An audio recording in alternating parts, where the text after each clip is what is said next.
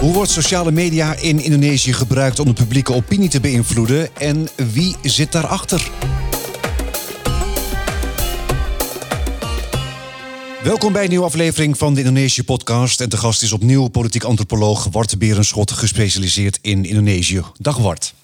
Hallo, goedemorgen. Ja, je hebt onderzoek gedaan naar de digitale situatie in Indonesië, digitale veiligheid ook. Nou ja, juist deze maand is er een grote datahack ontdekt. 1,3 miljard geregistreerde simkaartgegevens zouden zijn eh, gestolen.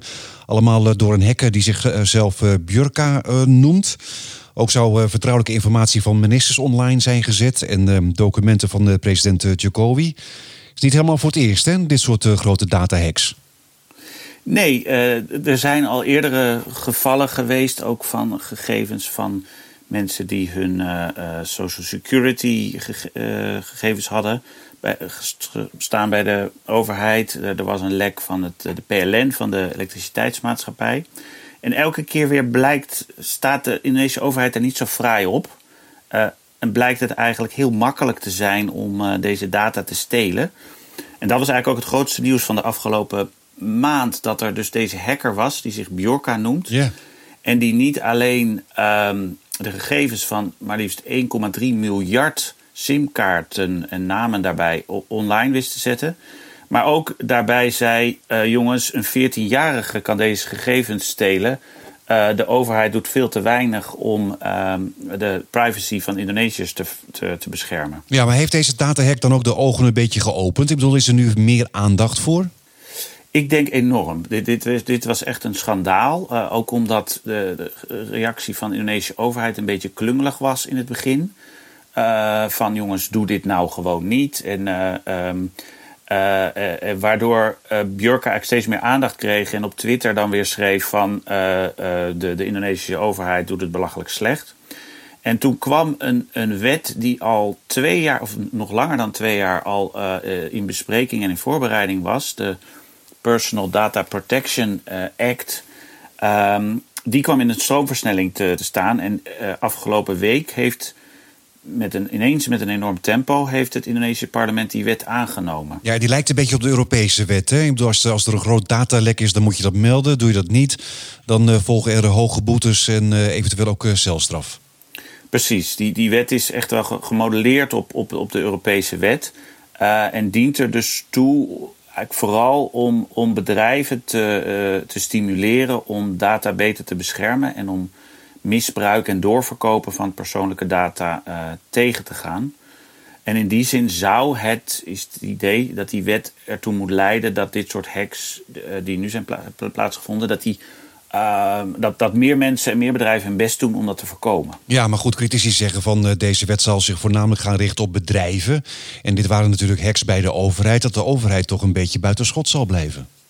Precies, uh, dat, dat is, en, ik denk, een, een terechte kritiek. Op zich uh, richt die, deze wet zich ook wel op, op overheden dat die meer moeten doen. En er komt een nieuwe, onder deze wet komt er een nieuwe agency, een overheidsagency, die op de naleving van die wet moet toezien.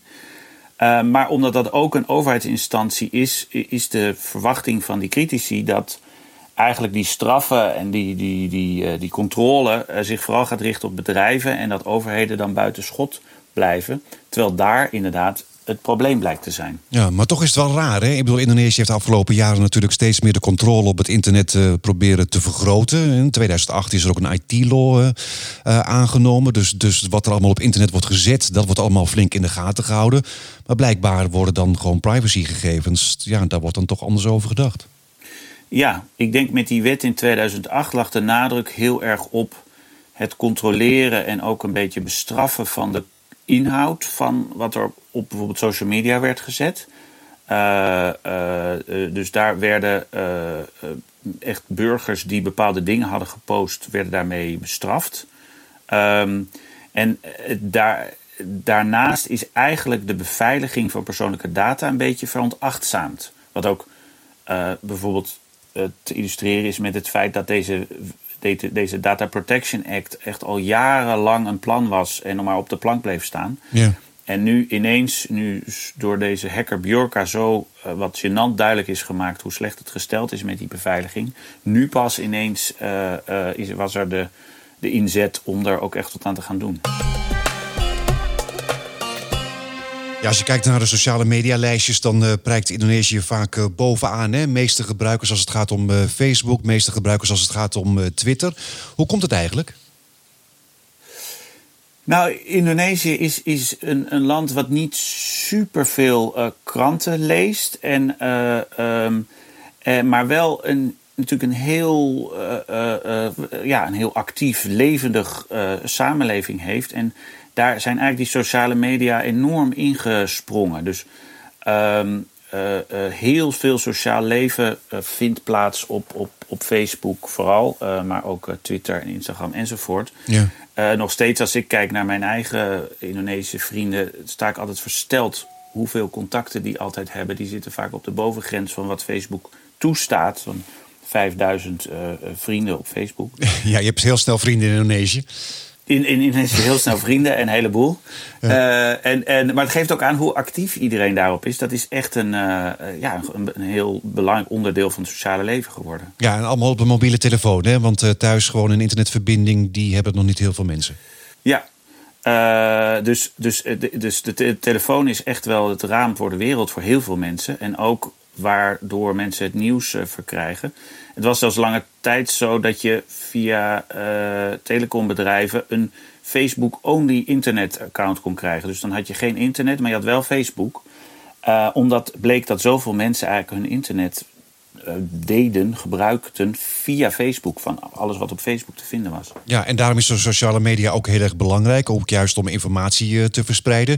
Je hebt er onderzoeken naar uh, gedaan. Ja, nou ja, nu wordt sociale media overal ter wereld gebruikt hè, om de publieke opinie te beïnvloeden. Is het juist in Indonesië anders, omdat er juist minder kranten worden gelezen en omdat juist iedereen op Facebook en op Twitter zit? Ja, dus Indonesië is natuurlijk is een land dat vrij gevoelig is voor beïnvloeding via social media, omdat er de, de minder, een, een kleiner lezerspubliek van gewone kranten is. En daardoor dus ook minder kans om bepaalde berichten te corrigeren of om een, een ander perspectief daarop uh, te krijgen. Uh, het nieuws is al snel wat op Facebook of op uh, Twitter staat. Ja. En wij hebben een onderzoeksproject gedaan naar um, die social media, die beïnvloeding van publieke opinie door social media. Ehm, we hebben aan de ene kant online of vooral op Twitter gekeken wat voor campagnes er werden gevoerd. Maar we wilden ook kijken, goh, wie doet dat nou? Wie, hoe, hoe wordt dat georganiseerd? Dus we zijn uh, uh, achter de mensen aangegaan die uh, berichten, anoniem berichten posten, waarvan wij dachten in, een, in naam van een opdrachtgever. Ja. En die hebben we, daar hebben we er 76 van gevonden en geïnterviewd. En dat bleek inderdaad zo te zijn. We kwamen erachter dat er echt een, een industrie is opgekomen van mensen die je, of die in Indonesië vaak buzzers genoemd wordt, betaalde soort sociale media huurlingen, mhm. die in ruil voor geld um, vaak publieke opinies verkopen of overheidsbeleid verkopen. Um, uh, en op die manier dus uh, proberen uh, voor hun opdrachtgevers eigenlijk de publieke opinie een bepaalde kant op te duwen. Ja, je kunt ze dus eigenlijk gewoon inhuren, die bussen. kan je ze een voorbeeld noemen van waar, wanneer dat gebeurd is? Nou, een goed voorbeeld is ehm, de rumoer en, en het publieke debat rond de, um, de revisie van de wet rond de anticorruptiecommissie, de KPK. Mm uh, in, in, 2019 wilde de Indonesische regering daar een nieuwe uh, wet voor aannemen. Dat wilden politici graag, omdat ze simpelweg vaak uh, werden betrapt door, door deze KPK en vaak in de gevangenis kwamen. Dus het was niet onterecht dat er daar heel veel protest tegen opkwam. En studenten en mensen gingen de straat op en, en zeiden: dit, is, dit, dit leidt tot alleen maar meer corruptie in Indonesië. Um, op dat moment kwamen wij achter, uh, is er dus een online uh, campagne georganiseerd om steun voor deze uh, nieuwe wet te vergroten. En ehm, zoals dat altijd gaat, daar zitten dus best slimme mensen blijkbaar achter die goed kunnen inschatten, goh, wat werkt er nou op social media en hoe kunnen we dit doen. Um, dus die bedachten een campagne rond KPK en Taliban. Yeah. ze maakten allerlei posts en, en, uh, en memes en, en, en ook kleine artikeltjes. waarin werd geclaimd dat de KPK was geïnfiltreerd door extremistische moslims. Door de KPK. Nou, daar was eigenlijk helemaal geen bewijs voor, dat was ook niet zo. Maar omdat ze een heel groot legertje van deze buzzers inzetten, die allemaal tegelijk hierover gingen posten, werd dit een trending topic. Dus mhm. het kwam bovenop de lijstjes van Twitter te staan. En toen uh, uh, pikten ook gewone kranten en online nieuwsites dit op. en die zeiden: Goh, er is veel zorg over dat de KPK is geïnfiltreerd door extremistische moslims. Ook de gewone media nam het eigenlijk op alsof het, alsof het echt waar was. Precies. En dat is iets wat wij met ons onderzoek. We hebben ook bijeenkomsten met journalisten gehad. om te zeggen: jongens, jullie trappen erin. Uh, want op het moment dat een bericht viral wordt. dan is dat een reden voor veel journalisten om daar dan over te gaan berichten. Yeah. Van: goh, dit nieuws is viral. Um, terwijl dat vaak dus gecreëerd is door deze legertjes van buzzers. En in dit concrete geval uh, um, konden we ook laten zien met. Um, waren er opiniepeilingen voor en na deze campagne.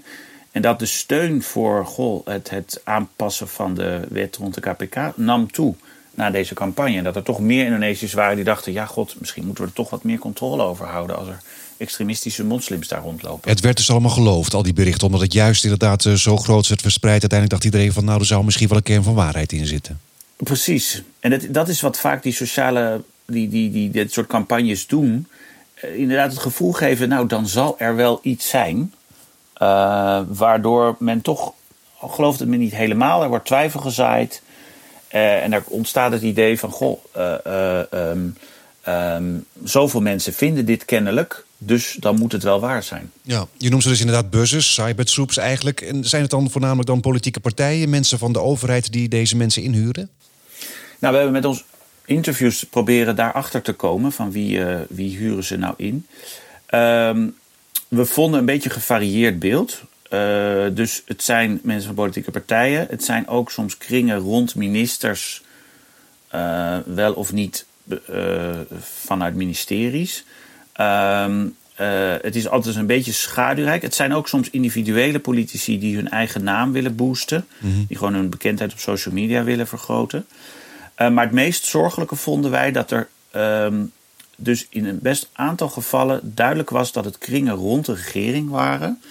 Die dit soort bussers inhuurden om regeringsbeleid uh, te verkopen. Dus het voorbeeld van deze KPK, maar we hadden ook het voorbeeld van het coronabeleid. kwamen we tegen dat er zo'n soort campagne was.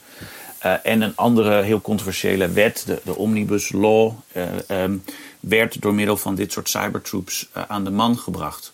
Dus het was eigenlijk overheidspropaganda, maar dan verkocht alsof het heel veel gewone mensen waren die allemaal voor deze overheidsinitiatieven waren. En dus is er een complete nieuwe industrie eh, ontstaan. Deze mensen krijgen ook betaald. Hoeveel krijgen ze ervoor eigenlijk?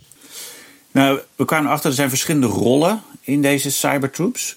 Dus de laagste uh, niveau zijn de buzzers zelf. Dat zijn zeg maar de, de, de, foot soldiers, de, de, de, echte huurlingen die krijgen zo ongeveer 4, 5 miljoen, zo, zo 200, 300 euro per maand uh, voor zo'n campagne.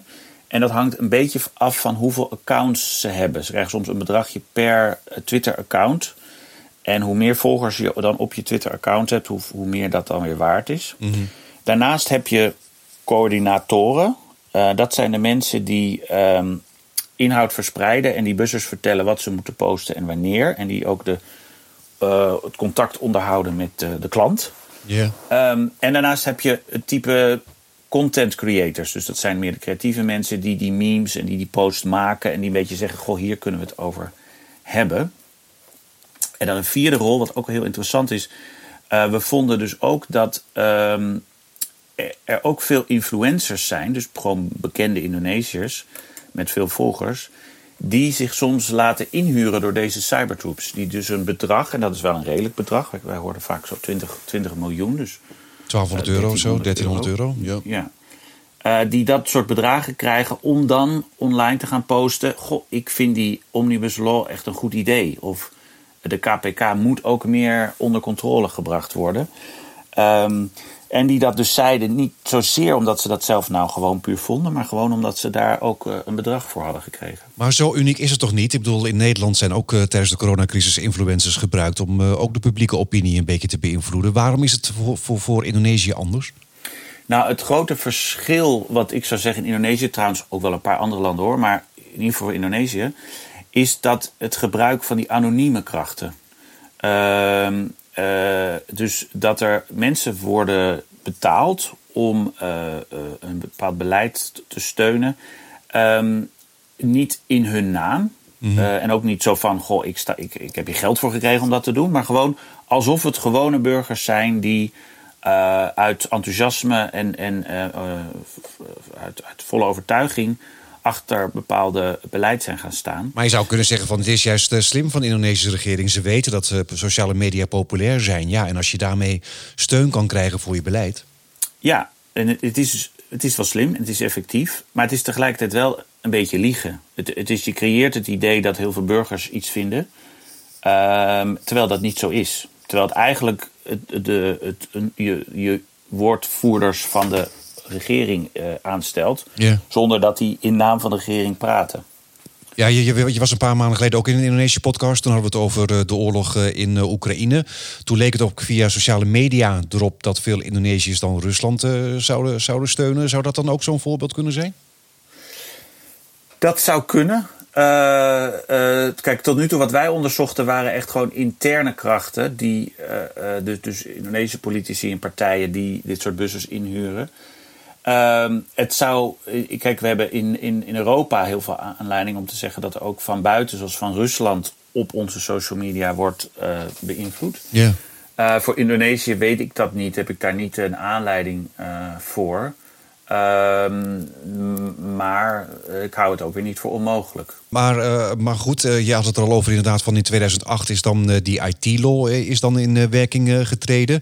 Um, dit, dit zijn wat je zegt voornamelijk mensen rond ministers, rond de overheid. andere groeperingen krijgen geen kans om dit te doen? Nou, je zou inderdaad zeggen van goh, op zich kunnen voor- en tegenstanders van de Indonesische overheid van deze sociale media gebruik maken en hun uh, mening op deze manier wat extra kracht bijzetten. Het punt van dit soort cybertroops alleen is dat ze vrij duur zijn. Uh, je moet dus vrij veel buzzers inhuren, die moet je salaris geven, die content coordinators. Dat betekent dat eigenlijk dit alleen een middel is wat toegankelijk is voor rijke mensen. Uh, voor economische elites of mensen die al aan de macht zijn. Dus wat mijn zorg rond dit fenomeen is, is dat het Indonesische democratie is al uh, uh, een democratie die heel erg ja, oligarchisch is. Dus, dus die heel erg gedomineerd wordt door economische elites. En nu met deze social media en deze cybertroops geeft het eigenlijk nog een, een nieuw instrument in de handen van economische elites om de democratie nog verder hun kant op te duwen. Ja. En dat is, uh, dat is de zorgelijke kant ervan. Ja, het gaat zeg maar één kant uit dan. Uh, ja, dat is eigenlijk met die IT-law ook is dat ook een beetje zo. Hè? Want, ja, die wet die kan ook uh, gebruikt worden om mensen aan te klagen vanwege laster. ja, dat beperkt dan ook de vrijheid van meningsuiting ook. Ja, en dat is wel echt een zorg. Er was een, een paar maanden geleden een survey onder jonge, Indonesische jongeren over goh, hoe vrij voel jij je om dingen te posten op uh, social media. En daarvan zei twee derde, uh, ik voel me daar niet helemaal vrij over. Uh, en dat komt gedeeltelijk door die 2008-wet, die gebruikt werd om veel mensen die online iets hadden gepost aan te klagen voor laster. Mm -hmm. Al was het een kritisch bericht op een ziekenhuis dat niet goed functioneerde, of kritiek op politici.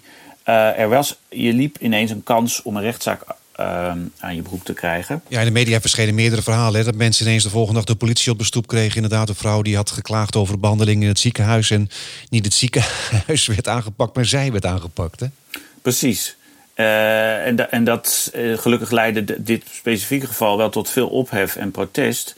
Maar het gaf heel duidelijk aan dat er iets mis is met die 2008-wet. Dat die uh, echt het uiten van gewoon meningen online beperkt. Of ja. mensen er in ieder geval onvrij in voelt. En daar is nog een fenomeen bijgekomen, wat ik steeds meer van activisten hoor. Is dat zij als ze zich uitspreken tegen overheidsbeleid, bijvoorbeeld rond die controverse rond de KPK en de, en de Omnibus Law, dan krijgen ze ook nog eens te maken van zowel online als, als, als via WhatsApp bullying. Dus mensen die dan hun gaan trollen, bedreigingen via WhatsApp, berichtjes. Ehm, waardoor ook mensen zich minder vrij voelen om uh, zich uh, uh, heel erg te uiten. Een soort, soort cyberterror is er wel degelijk op een bepaald niveau is er gaande in Indonesië. Maar waarom wordt die controle steeds versterkt, denk je, ook met, met die wet in 2008? Waarom wil Indonesië steeds meer controle hebben? Nou ja, het past in een bredere trend van de ontwikkeling van Indonesische democratie. Waar vrijheden, democratische vrijheden die sinds 1998 zijn verworven, steeds, nu, sinds zeg ongeveer tien jaar, steeds iets verder worden uh, teruggedrongen en uitgehold. Dus na de val van Suharto in 1998 was er een optimisme. Een Indonesië wordt democratischer, uh, persvrijheid, vrijheid van, van, van meningsuiting. Um, maar nu zien we in de afgelopen tien jaar dat die, um, de, publieke, de, de, ruimte voor publiek debat steeds iets meer wordt beperkt. Er is een wet over civil society organisaties die aan allerlei dingen moeten voldoen. Um, kritische academici die worden uh, aangepakt op allerlei manieren. Um, dit soort beetje dreigementen van uh, dissidenten online neemt toe.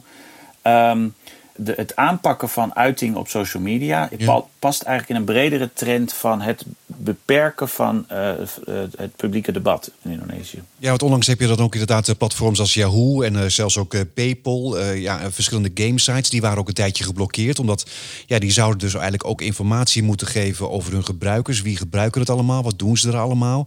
En eventueel als er dan informatie op staat die dan ja, niet welgevallig is, zou dan verwijderd moeten worden. Dat is dan ook weer onderdeel daarvan, van, van die hele controle. Ja, het is een beetje schimmig wat er nou precies gebeurt. Maar Indonesië is een land dat heel veel verzoeken aan dit soort bedrijven doet. Uh, heeft men uitgevonden aan Google en Yahoo en enzovoort. Over de users en wie wat heeft gepost.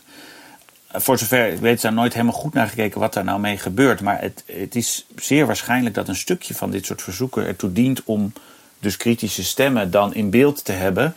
En dat mogelijk te gebruiken om ze te intimideren of zelfs de politie langs te sturen. Maar waar komt dan die neiging van controle vandaan? Ik bedoel, waar is men dan zo bang voor? Nou, dat is eigenlijk een, um, een ook voor mij een, een, een vraagstuk. Kijk, op zich, Jokowi en deze regering zit heel stevig in het zadel. Ja. Ze hebben een grote meerderheid in het parlement. Ze zijn niet onpopulair.